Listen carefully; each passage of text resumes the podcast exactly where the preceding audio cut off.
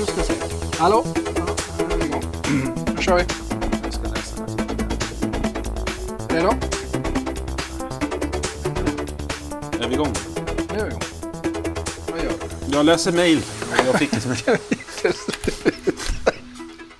Okej, nu kör vi. Jag kör inledningen. Ja, Hej och välkomna till Beslutsbotanikerna. Vi är första avsnittet 2019. Sitter här med biträdande professor Gustav Tinghög. Hej, hej. Hej hej. Själv heter jag Daniel Westfjell. Är professor i eh, psykologi i ett eh, medelstort mellansvenskt universitet.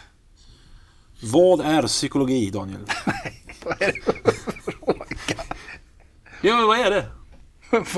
Det, det är studien av människans eh, psyke. Lära om hur människor tänker, känner, agerar.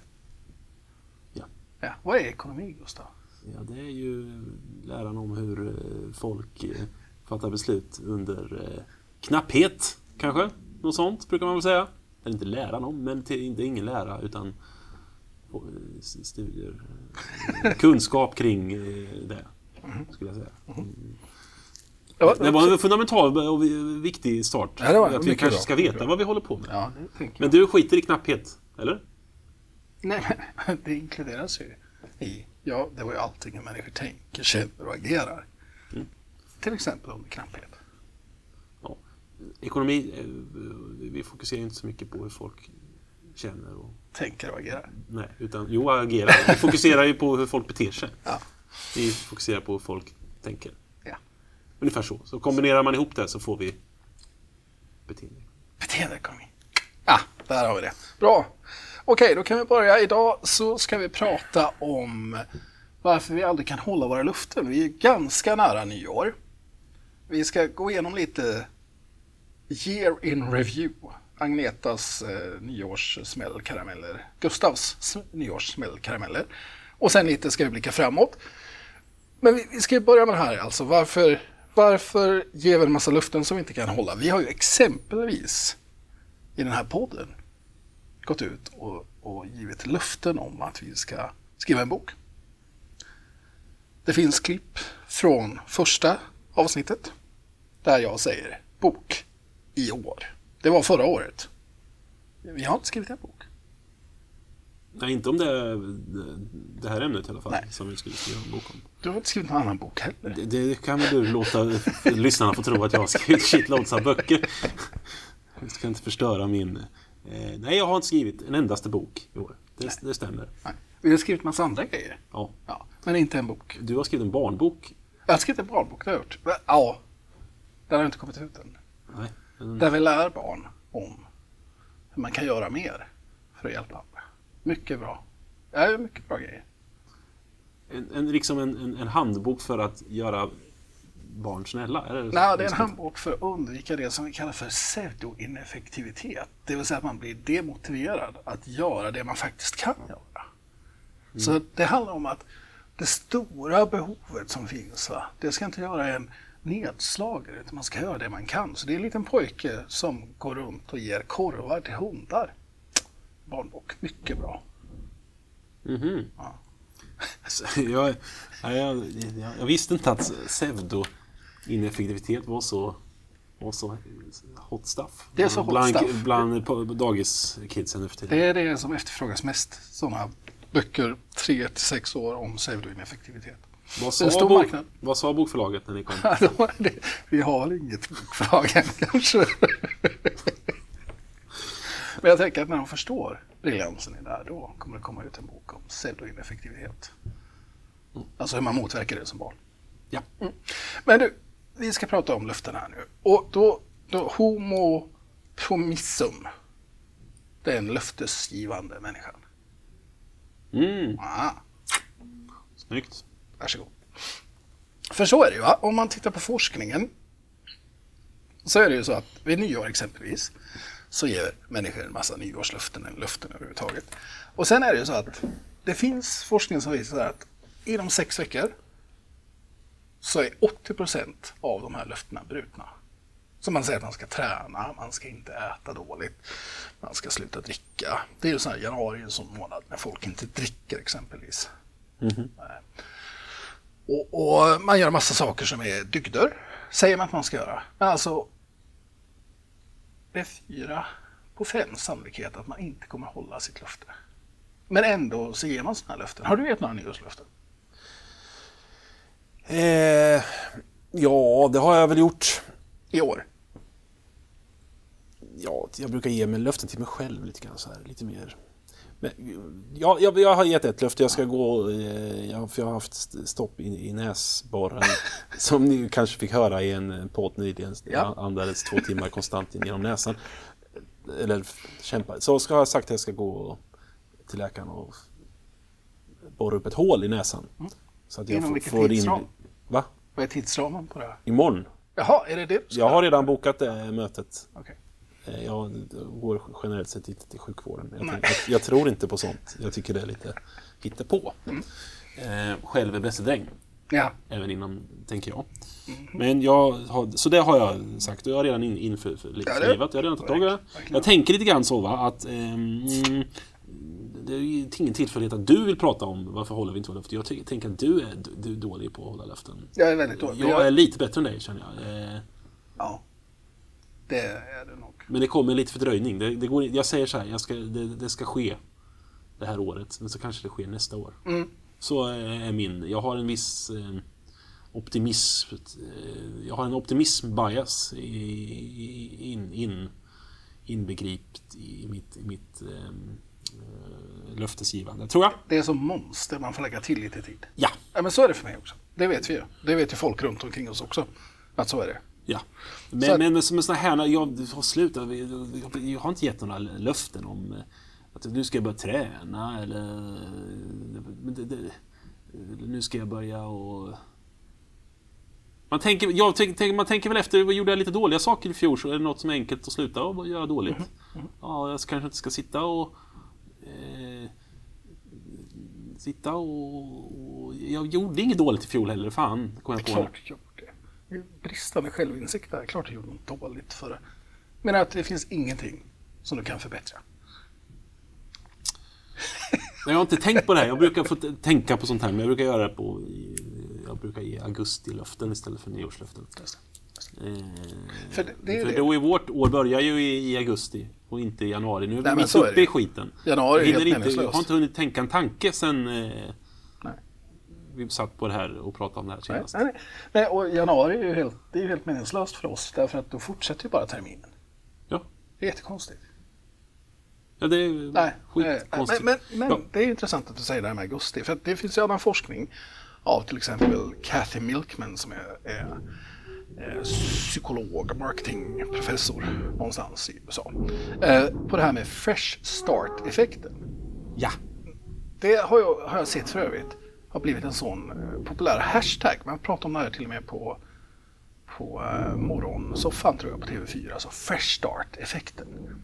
Och fresh start-effekten är att när helst det finns en, en tidsmässig möjlighet till nystart, till exempel som nyår då är, eller en ny dag i veckan, eller en ny årstid, eller en födelsedag, eller någonting som demarkerar på något sätt att någonting tar slut, någonting börjar.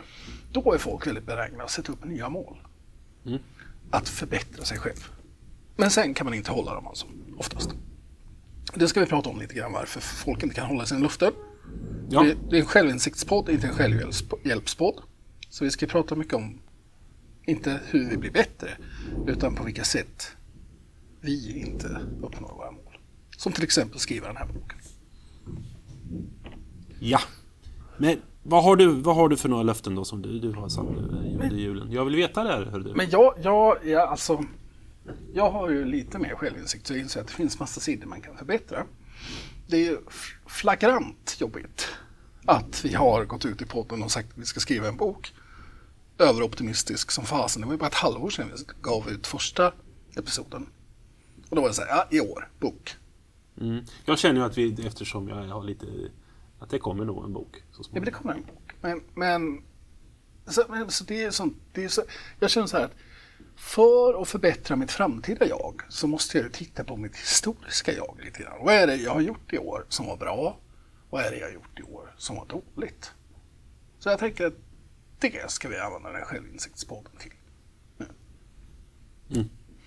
Så ja, jag tänker att det som vi har gjort bra, eller som jag har gjort bra under året, det är faktiskt att vi har till exempel börjat med den här podden.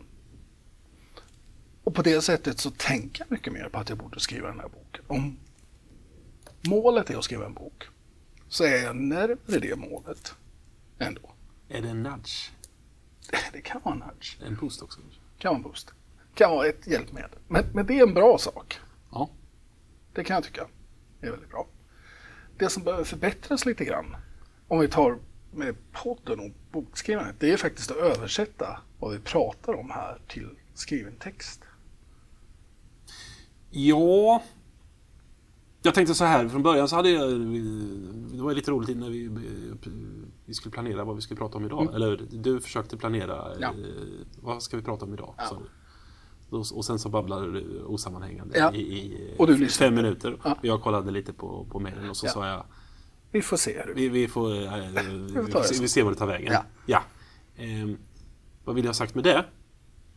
Var att... ehm, vad fan vad var frågan nu då? Jag hörde inte Det är inte en fråga ens.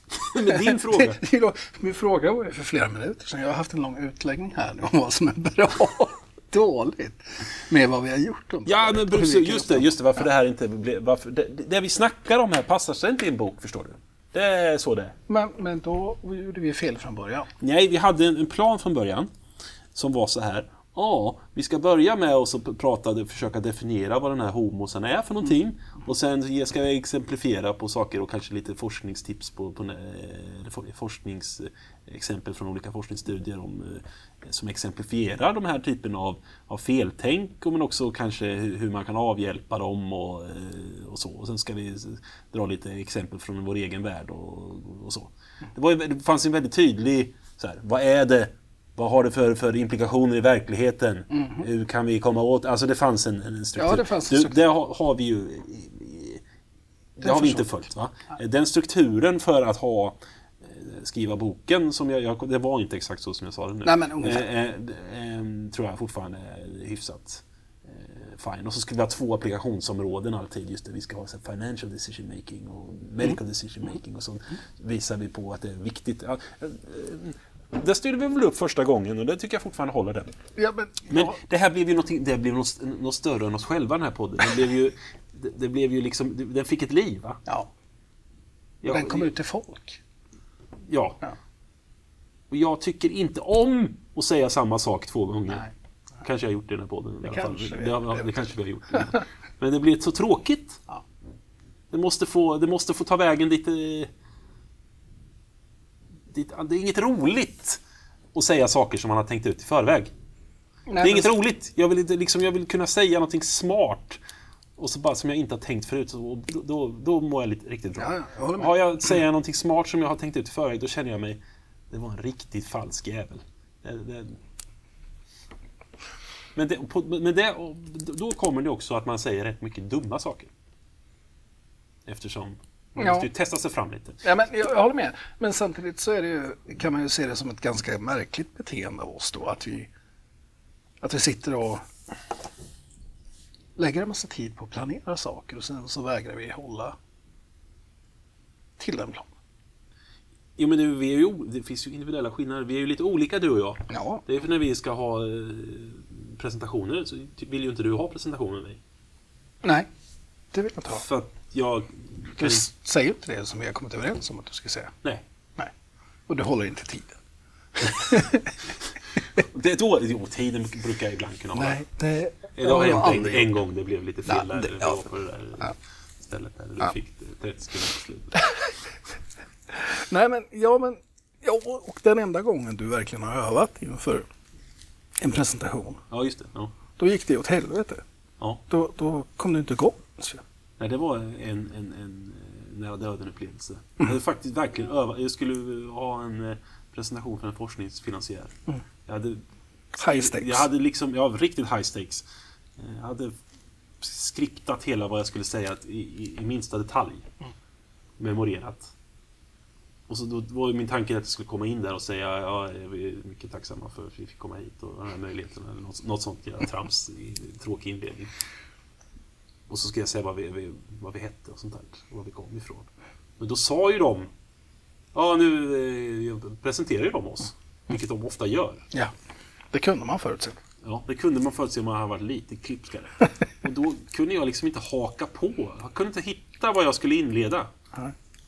Ja, det var fantastiskt. Och Du var stod mycket, jag bara, mycket tacksam. Då stod jag bara där uppe och, så, och sa vi är mycket tacksamma. Mycket, mycket tacksamma och försökte liksom sortera i mitt bakhuvud. Var, hur, var, var, var började jag någonstans? Och tittade med någon slags skräck i blicken på dig. Ja, som ett rådjur i uh, helljus stod du och tittade på mig. Jag var beredd att rycka in också. Men, Men- rätt vad det är så hittade jag, Ja. hittade jag spåret. Och sen resten är historia. Ja, pengarna är förbrukade. Ja. Nej, men så är det. Men jag tänker ändå att det, det är lite märkligt då.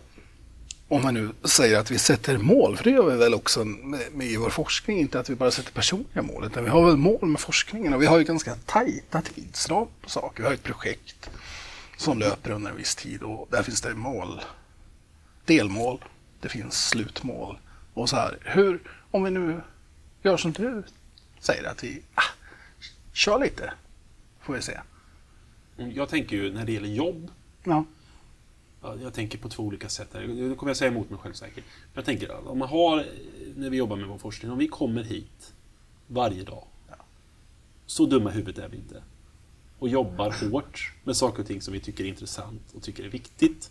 Och faktiskt gör det under den här perioden. Då kommer vi, vis av erfarenhet, att leverera bra saker inom de områdena vi tycker är intressant. Vilket också är de områdena vi har forskningsprojekt inom. Så tänker jag. Jag håller med. Att, att, om, vi bara, om vi bara ser till att vi har en fungerande vardag så kommer allting eh, rulla på. Men det vi gör i slutändan är ju väldigt sällan det vi tror att vi ska göra initialt, vilket är lite konstigt för att sättet som vi försörjer vår forskning på, det är ju genom att skriva forskningsansökningar där man ska skriva ganska detaljerade planer över vad är det exakt jag ska göra. Här är min hypotes, här är sättet jag ska göra det. Och sen när jag gjort det så gör jag nästa studie som bygger vidare på ett litet kumulativt fint sätt. Det går lite stick i stäv med faktiskt ibland hur vi jobbar. Mm. Det gör det ju. Det, det är lite intressant kan jag tycka. Jag Att- tycker också att det är ett bra sätt att jobba för att ibland måste man eh, ja, eh, eh, knyta ihop allt. Mm. Och se, det här är ramverket, hur, hur saker och ting hänger samman och då är de här sakerna vi ska göra. Ja. Och, så- och, och så ser man om det hänger ihop och så, så gör det ju... Sen gör man studierna och så blir det inte riktigt så som man hade tänkt och så tänker man om och så gör man... Det värsta är ju, vi har ju haft eh, stora debatter om det här motiverade tänkande nu i, i eh, Dagens Nyheter. Och Ja, där har vi Kina. varit ute och, Och, det, det värsta som finns är ju, tycker jag, forskare som, som har kletat fast sig vid en, vid en åsikt.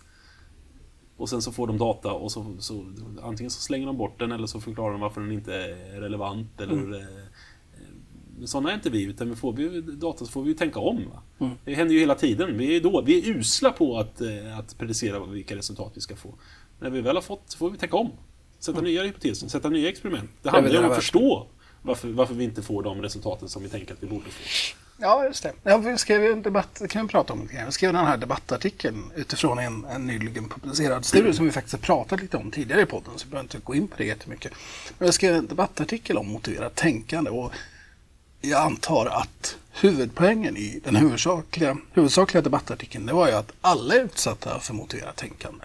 Ja, oavsett om man är... Eh, jag tror vi skrev så här, oavsett om man är Trump-anhängare eller om man är feminist. Va? Det var, eller om man är klimatförnekare eller eh, Greenpeace-aktivist. Ja, ja vi hade undersökt Ytterligheter, va? Jag tänker, har man, man Trump-anhängare, Trump, uh, kanske inte feminist, sätter dem. Det är viktigt att se att, att, att båda sidor ägnar sig li- lika mycket faktiskt också.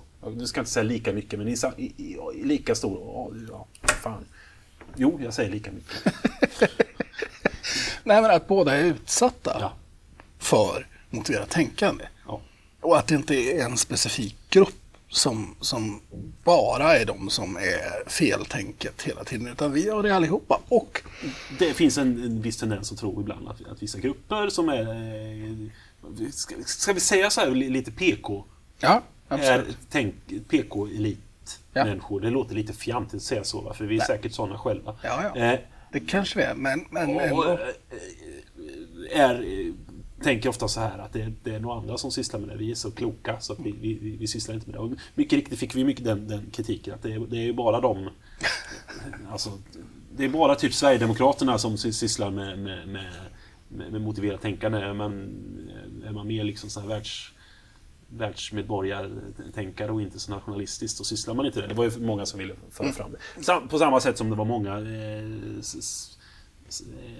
på, på, på högerflanken och eh, som, som ville föra fram om, och, som, kan man kan inte säga höger vänster nu för tiden. Vad ska vi säga? Konservativa eh, partier mot, mot invandring. Alt-right mot... Ja. eh, ja, Som så. ville föra fram eh, fakta om invandringens effekter och sånt, vilket överhuvudtaget inte handlade om någonting det vi har skrivit om.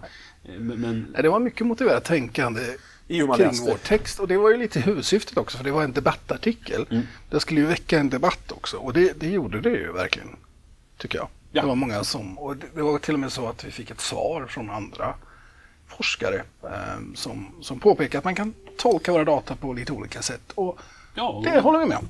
Att det kan man Till göra. viss del, Ja, ja. till viss del. Eh, Men sen så skrev vi ytterligare ett svar på det där vi just underströk den här poängen med, med motiverat tänkande. För att Det blir farligt när man tror att man själv är undantagen från motiverat tänkande. Jag, sys- jag sysslar med motiverat tänkande varje dag. Mm. Jag skulle inte klara mig utan motiverat tänkande. Det leder mig rätt, eh, rätt ofta, skulle jag tänka. Mm. Eh, För, för, för att, och motiverat tänkande bemärkelse att jag tolkar saker och ting ut- som ut- utifrån min världsåskådning. Att jag tror... Ja, Dan, Dan, jag tycker ju om dig Daniel, så om du föreslår någonting, det är säkert bra. Va? Det är oftast säkert motiverat tänkande i, Ja. i, i den typen av eh, aspekter. Och när Ja. någon, någon annan kollega onämnd säger någonting så tycker jag det var en jävla dum idé. Eh, säkert motiverat tänkande, men det leder mig ofta rätt. Va? Ja, Eh, men det viktiga är att jag är medveten om att jag gör det, så att jag ibland faktiskt tänker efter. Var, varför tycker jag så här? Man, man kan inte hela tiden springa göra. Nej, för det är två olika saker. Alltså, motiverat tänkande är ju rotat i, i det som vi har pratat om under Homo juristicus och Homo ignorans. Att det handlar om förenklat sätt att processa information. Vilket behövs. För att vi kan inte ta till all information.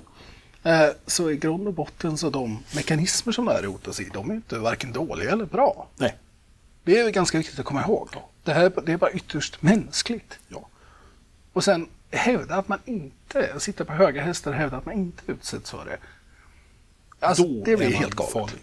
Och då är, det- då är man ju nära de här Dunning-Kruger-effekterna också. Alltså att man är så inkompetent så att man inte själv inser att man inte är bäst. Mm. Det är, så är det. Så jag vet inte riktigt varför vi börjar prata om motiverat tänka, för vi har haft ett helt egen episod. Ja, det är vi skit nu har vi pratat. Jag, jag blev förbannad när jag tänkte på det. Eh, Ja, men det var och jag är bara riktigt glad när jag är förbannad. det, det vet Det jag. är min...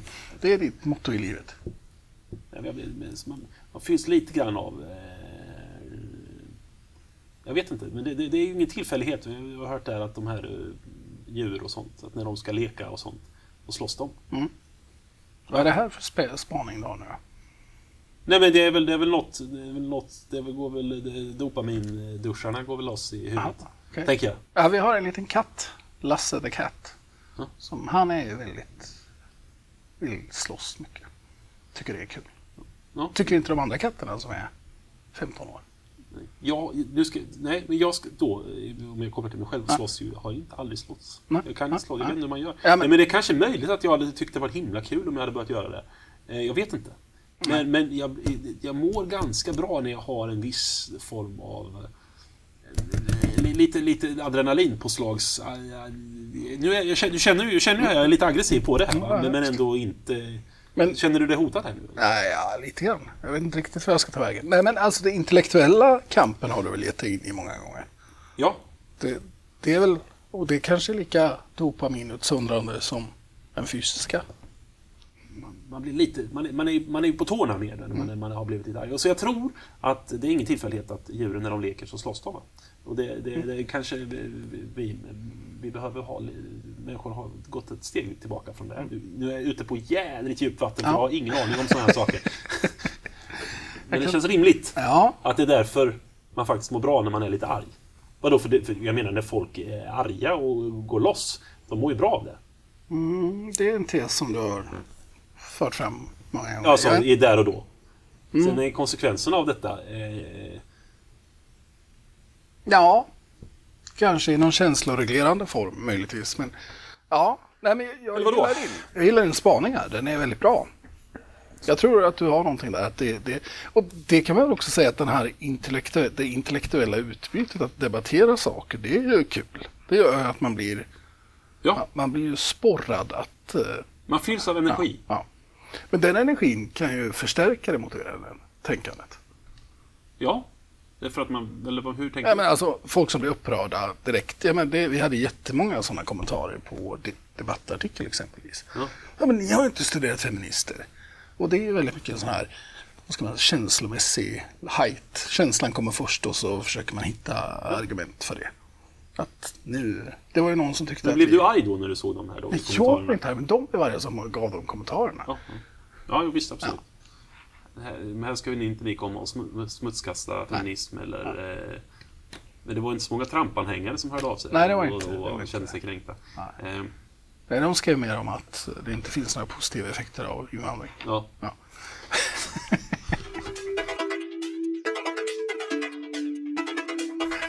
Ja, nej, men nu, nu släpper vi den här debattartikeln Ja, jag. ja, och så ja, ska ja, vi ja. prata om Mål, om vi mål och om mål. löften. Ja, du sa inte vad du hade för mål. Ja, mitt mål. Vi har ju faktiskt gjort det som en övning i vår forskargrupp. Början Ja, jag fick Fresh panik. Start-effekten här. Vi gick ju, vad har vi för mål? Och jag, och, mitt mål var ju att eh, hitta mer finansiering till vår forskning. Det var mitt mål. För året. Det var det primära målet. Att hjälpa några av våra medarbetare få fasta tjänster och såna här saker. Så att vi kan cementera gruppen. Väl, Jedi Lab som det heter. Jedi Lab. Ja. Ja. Det är väldigt konkreta mål. Ja, Då. jag är väldigt konkret när det kommer till sådana saker. För då blir de gjorda. Kanske. Kanske, va? Ja. Vad är det på för spaning nu? Konkreta mot Ja, abstrakta varför mål? ska jag... Det var det jag satt och tänkte här nu. Ja. Varför sätter du ett sånt här konkret mål? Är det för att vi sitter här och är så abstrakta? Nej, men, I vårt, det, så att då blir, det, då blir det, eftersom vi är så abstrakta i vårt mindset här när vi sitter och pratar om allt möjligt skit. Mm. Så känns det möjligt för dig är så. att klara, klara av ett, ett konkret mål. Kombinationen av att jag har ett helt år på mig Ja. och att det är väldigt konkret. Då känns det som att jag ska klara av det. Det här är ju grundat i, i någon slags... Jag kan liksom se att jag gör det här. Det finns ett tydligt utfall. Och sen finns det massor av sätt för mig att ta mig dit. För det finns så massor tid och jag ska göra det. här. Det är massa deadlines för att skicka in ansökningar och grejer. Men det, jag är ute efter för att för häromdagen så satt vi och hade ett sånt här möte också. Eh, Ja, inte ett poddmöte utan vi, vi, vi satt och, och listade upp och var väldigt konkreta kring vad är det för saker vi behöver göra, när behöver vi bli klara med dem och sådana här saker. Både du och jag sen efter det Ja. gick väl hem typ sjuka Ja. av depression. Ja. För att vi, eh, och då började vi det var ju ingen av oss trodde väl att vi skulle kunna klara av någonting. Nej. Någonsin. Nej. Efter vi hade haft det mötet. Nej. På grund av att det var inte väldigt konkret mindset. Och då kändes allting oöverstigligt. Sen. Men kombinerat med att vi har väldigt lite tid att uppnå det. Det ska vara gjort igår. Så tänker jag. Konkret, dåligt om man har lite tid. Konkret, bra om man har mycket tid. Och det finns det forskning som visar också. Att sätter du konkreta mål, då finns det en större sannolikhet att du faktiskt eh, uppnår eller försöker agera mot de målen. Om de är lite längre bort. Så att i slutet av året ska jag ha gått ner 5 kilo och druckit 100 olika IPer. Dragit in 4 miljoner kronor. Ja. Det känns ju görbart. Men får jag bara en månad på mig, då inser jag att jädrar vad öl och pengar och kilon jag måste gå ner. Mm. Och då blir det väldigt svårt att fokusera på det negativa. Alltså att jag inte kommer kunna uppnå det här. Så tänker jag. Mm, Och det kopplar ju till din favoritteori som vi har pratat om förut, temporal construal. Level theory. Ja. Som jag aldrig får jobba med. Ehm, Men kanske snart. I framtiden.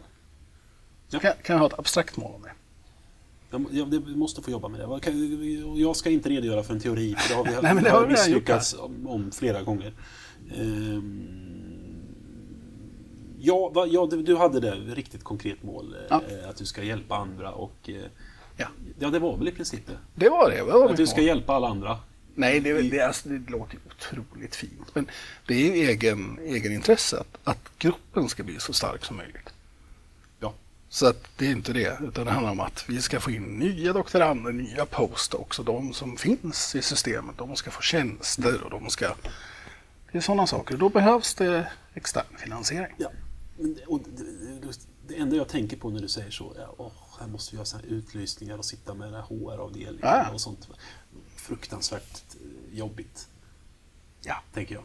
Ja. Men du, du är så fokuserad där på det, det jobbiga där. Sen kommer det roliga när man väl får in folk. Efter För det är ju den andra saken liknande. som man har visat, om vi nu ska prata om varför man inte uppnår sina mål, så finns det ju forskning från Chicago som eh, Eilert Fischbacher, ja, känner jag till, som har gjort de här studierna som visar att många sätter mål som är så negativa. Alltså du måste träna, du får inte äta, du ska ta bort det roliga och härliga i livet. Och när man gör det, då blir motivationen väldigt låg att uppnå målet. Utan har man det de kallar för en enjoyment factor kopplad, alltså att det finns någon typ av belöning eller någonting positivt med målet, då ökar ju sannolikheten dramatiskt att man ska uppnå. Så därför så är det jag ju, det är motiverat tänkande. Jag tänker på, vad härligt, glory, glory. Vi får in pengar, vi kan anställa människor. Sen är det en massa problem med det också. Men då väljer jag att inte framea det så. Mm. Därför att då så blir jag demotiverad. Precis som den här barnboken om att ge korvar till hundar. Så kan jag tänka på hur stort allting är, hur problematiskt allting är, kan ju bli väldigt demotiverande. Ja. Så så tänker jag. Du hade ju, du, när vi gjorde den här övningen så, så tyckte inte du det var kul. För att du hade inget konkret mål. Nej. Du har inget abstrakt mål heller. Men mitt abstrakta mål är jag ska skriva, En bok. tänka den bästa där jag gjort hittills. Det ska jag göra i år.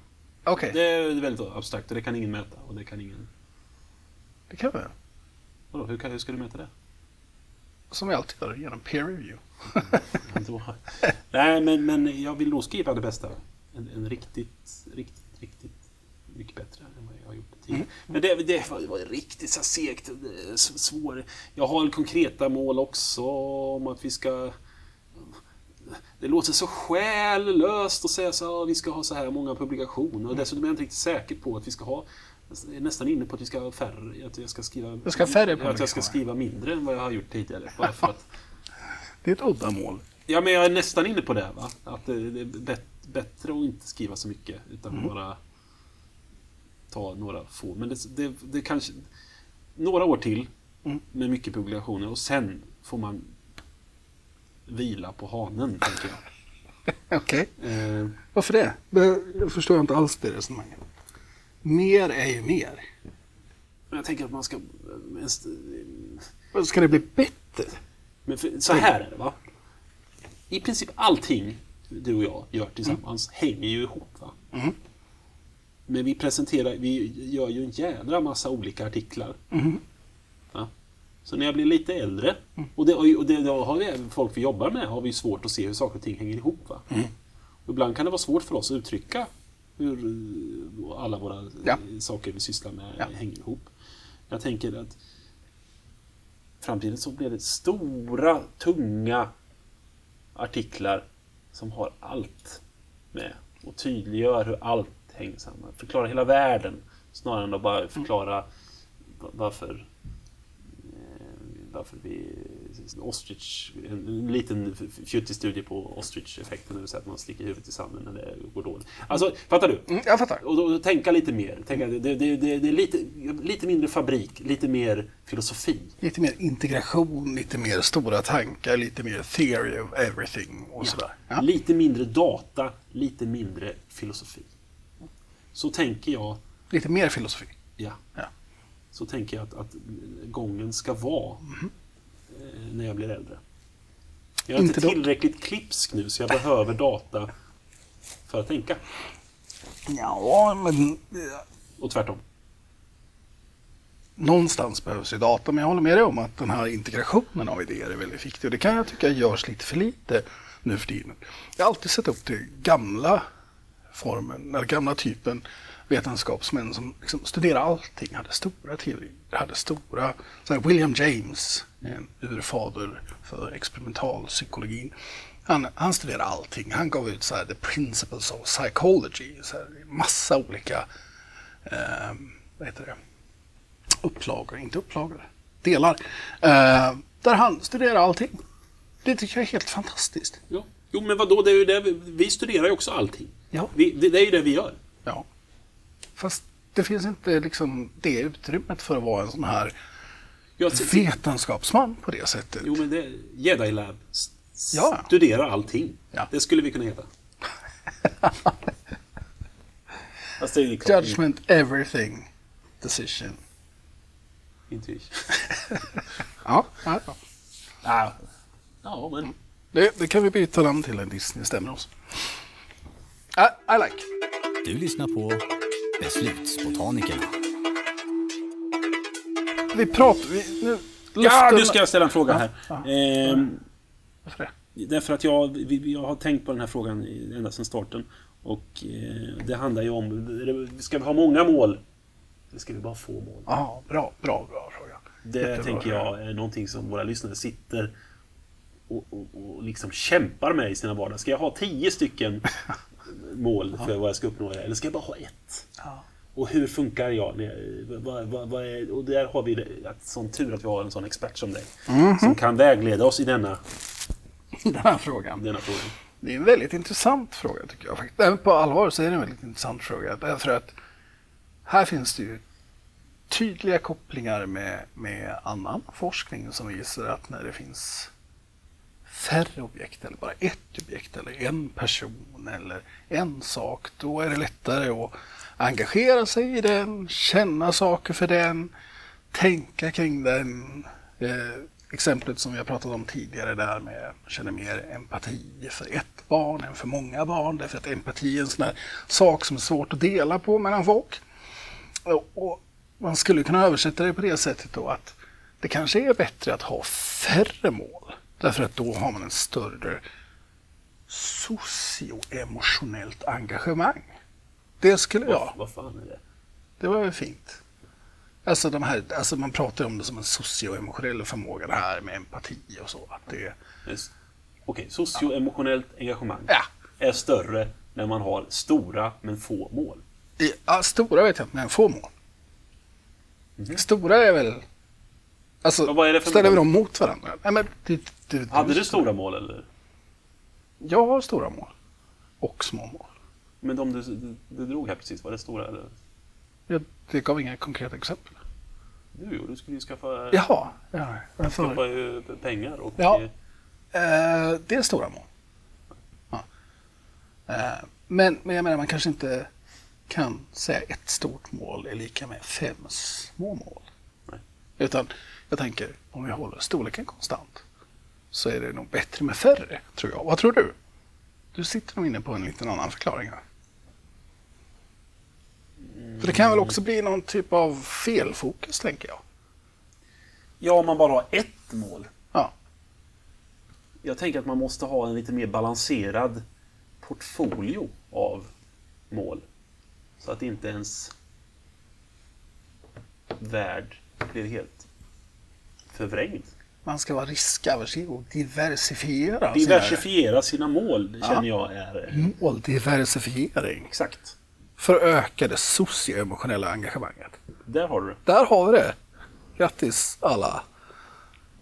Så... Ska jag inte singla ut en grupp. Nej men det, vadå, det är väl samma sak om, man, om man går ner säger att nu ska jag gå ner 10 kilo. Då blir man ju... Eh, då, och inte har något annat mål som handlar om att jag ska ta väl hand om mina nära och kära. Så kanske det... Man blir ju lite dum när man, när man bantar. ja men så är det ju. Man blir inte så snäll då. Låt höra, man blir dum när man bantar. Nej, men, det, om man fokuserar på att man aldrig ska...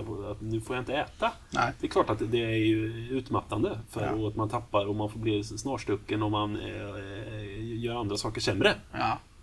Så Så det är viktigt att man inte har... Det enda målet är att jag ska gå ner eh, 100 kilo det här året. Så det är, för då kommer ju allt annat fallera. Va? Ja. kommer inte bli någon, någon lycklig människa. Just det.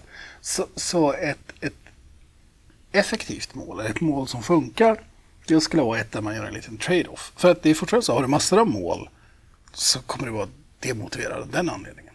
Ja, jag ska göra alla de här olika sakerna. Vet man inte var man ska starta och sådär. Så då måste man kanske ha ett mål, men det måste fortfarande... Ett huvudsakligt mål, men det måste fortfarande ge utrymme för de andra sakerna. Så att du kan inte bli en träningsfanatiker som aldrig träffar din familj. Trots att det kanske skulle vara det bästa för att uppnå just det målet. Aha. Balans är viktigt. Balans. Det. Ball, ball, balans och inte hålla i sig Att någonstans. du, det är ju riktigt... Jag, så här, ett av mina, Mål. mina, mina eh, mål i år är nog kanske att vara lite lagom. va? Lagom i den att du får balans mellan... Nej, Jag ska försöka vara så lagom jag kan vara. Det kommer inte gå. Varför inte det?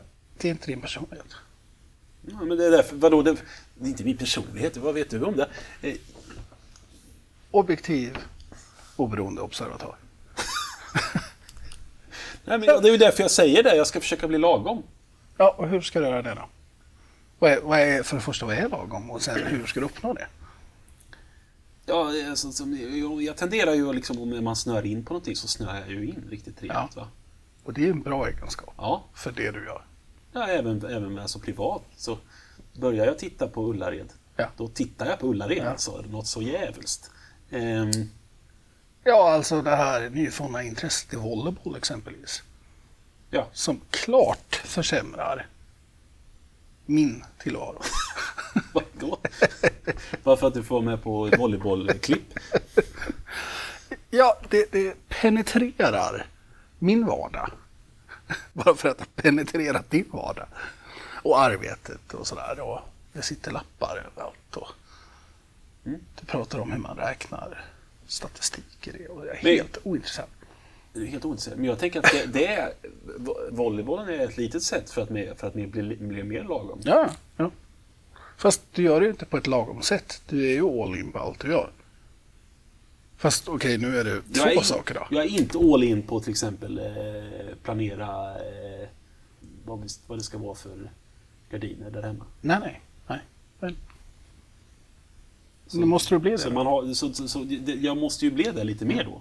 Mm. Jag måste ju, Så är det det jag kan se fram emot under 2019 här. För vi ska sitta och sniffa på gardintyger och känna på olika thread counts och sånt där. För det, så kommer det ju bli.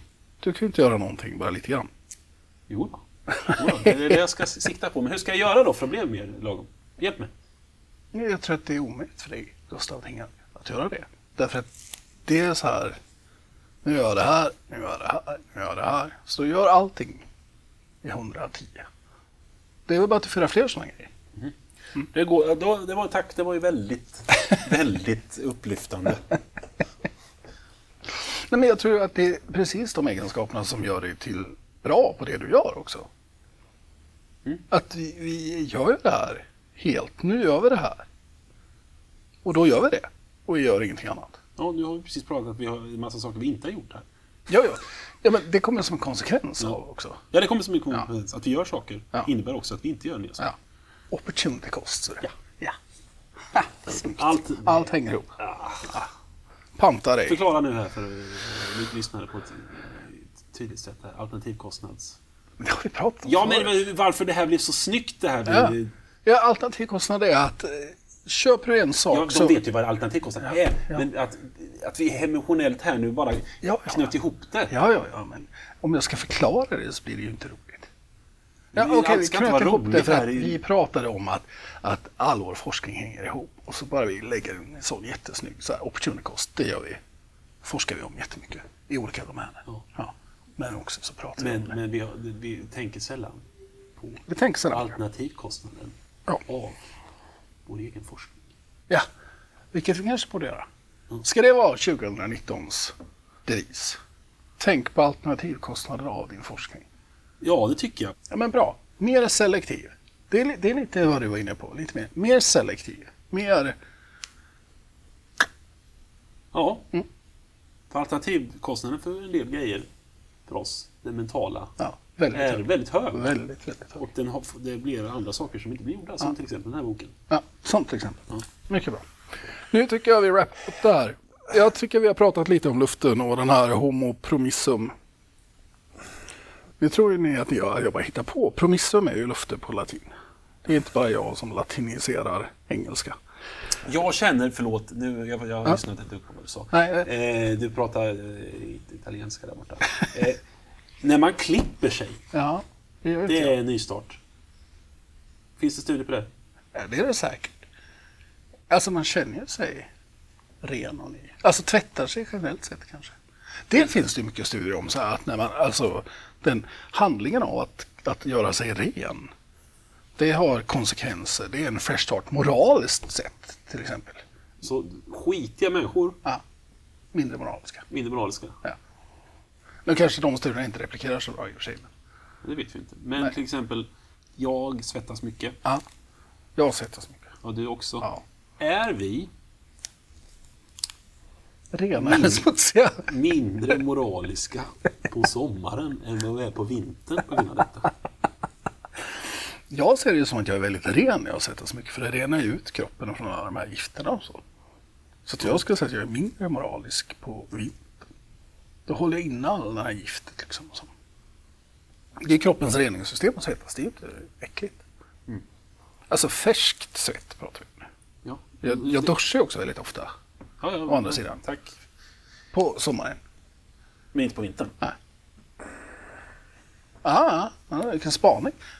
Där har vi en studie. Seasonal variation in moral... I duschning, nej, I moral judgment. Och förklaringsmodellen är Att, hur mycket vi duschar. ja, hur mycket vi duschar.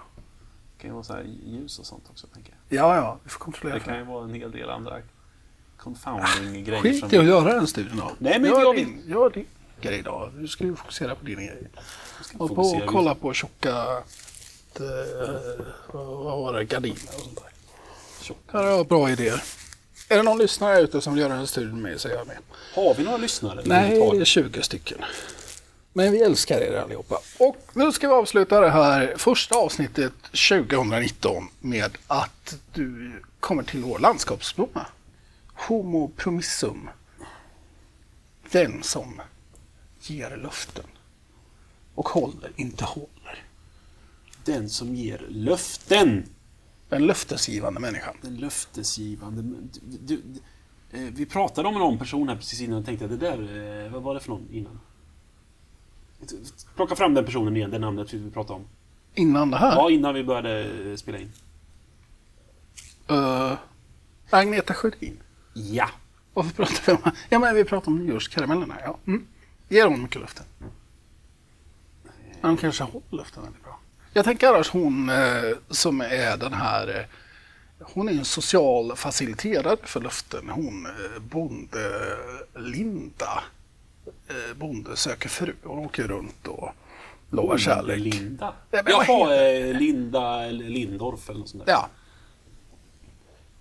Hon är ju väldigt så här en, ett medium för att få folk att ge löften och hålla löften. Så här, ja men är ni kära nu?